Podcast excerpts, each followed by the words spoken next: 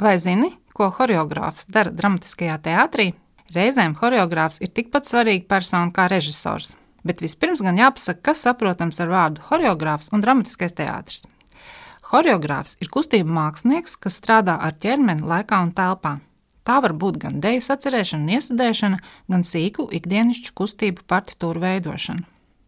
Dramatiskais teātris ir tāda teātra forma, kurā galvenais izteiksmes veids un jēgas nesējs ir vārds un dramatiskais teksts, līdzās kustību vai dēļas teātrim un mūzikas vai muzikāliem teātrim. Taču uzreiz arī jāatgādina, ka mūsdienās itin bieži sastopamies ar tādām izrādēm, kurās nemaz īsti vairs nevar pateikt, kas tad ir galvenais - teksts, skaņu telpa, vizuālās zīmes vai kustība.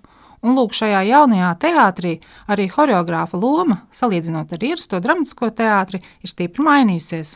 Latvijas teātrī šīs pārmaiņas teātra choreogrāfijā notiek gan tāpēc, ka pats teātris, tostarp pasaulē, mainās, gan tāpēc, ka teātros lielākoties strādā laikmetīgās dēļas choreogrāfi. Līdz pat gadu tūkstošu mijai teātros, ja arī bija nepieciešams choreogrāfs, tad lielākoties kā choreogrāfi, kustību režisori vai konsultanti tika aicināti baleta mākslinieki, kuru uzdevums bija iestudēt raksturdējas, veidot vajadzīgiem laikmetam piemērot kustību partitūru.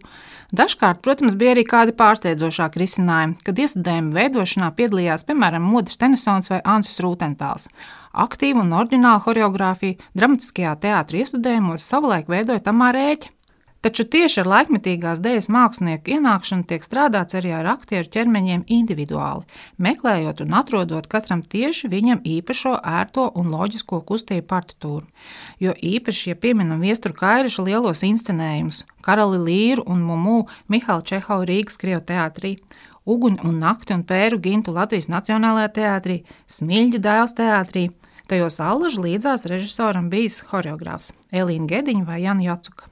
Un visos šajos darbos aktieru ķermenis reizē arī tiek iedarbināts kā spēcīga vizuālā zīme.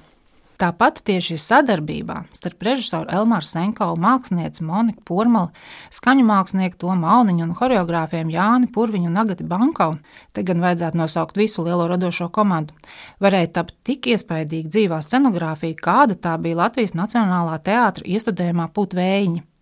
Horeogrāfa darbs bija gan vajadzīgajā dinamikā un apjomā sakārtot 150 dejotāju koras podestiem, gan palīdzēt aktieriem atrast to fiziskās eksistences formu, lai šajā dejotāju piepildītajā skatuves kārbā nepazustu, spētu nospēlēt gan savu rāņu uzrakstīto lomu, gan sajust visu lielo ansambli.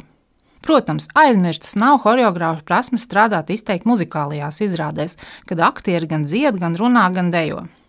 Tā kā mums jau vairākus gadu desmitus nav pastāvīgi strādājuši muzikālā teātra, šajā nišā strādā arī dramatiskie teātri, kas ik pa laikam iestudē mūzikas un rokoperas, te bez choreogrāfa ļoti grūti iztikt. Vēl viena pieredze, kā dramatiskajā teātrī var strādāt choreogrāfs, ir veidot izrādes kustībā bez vārdiem. Tā viesmākslinieks Sergejs Zemļānskis Liepājas teātrī par pamatu ņemot Rāņa Lugu Induls un Āriju un Nikolaja Gogoļa precības iesudēja kustībā ilustrētus stāstus.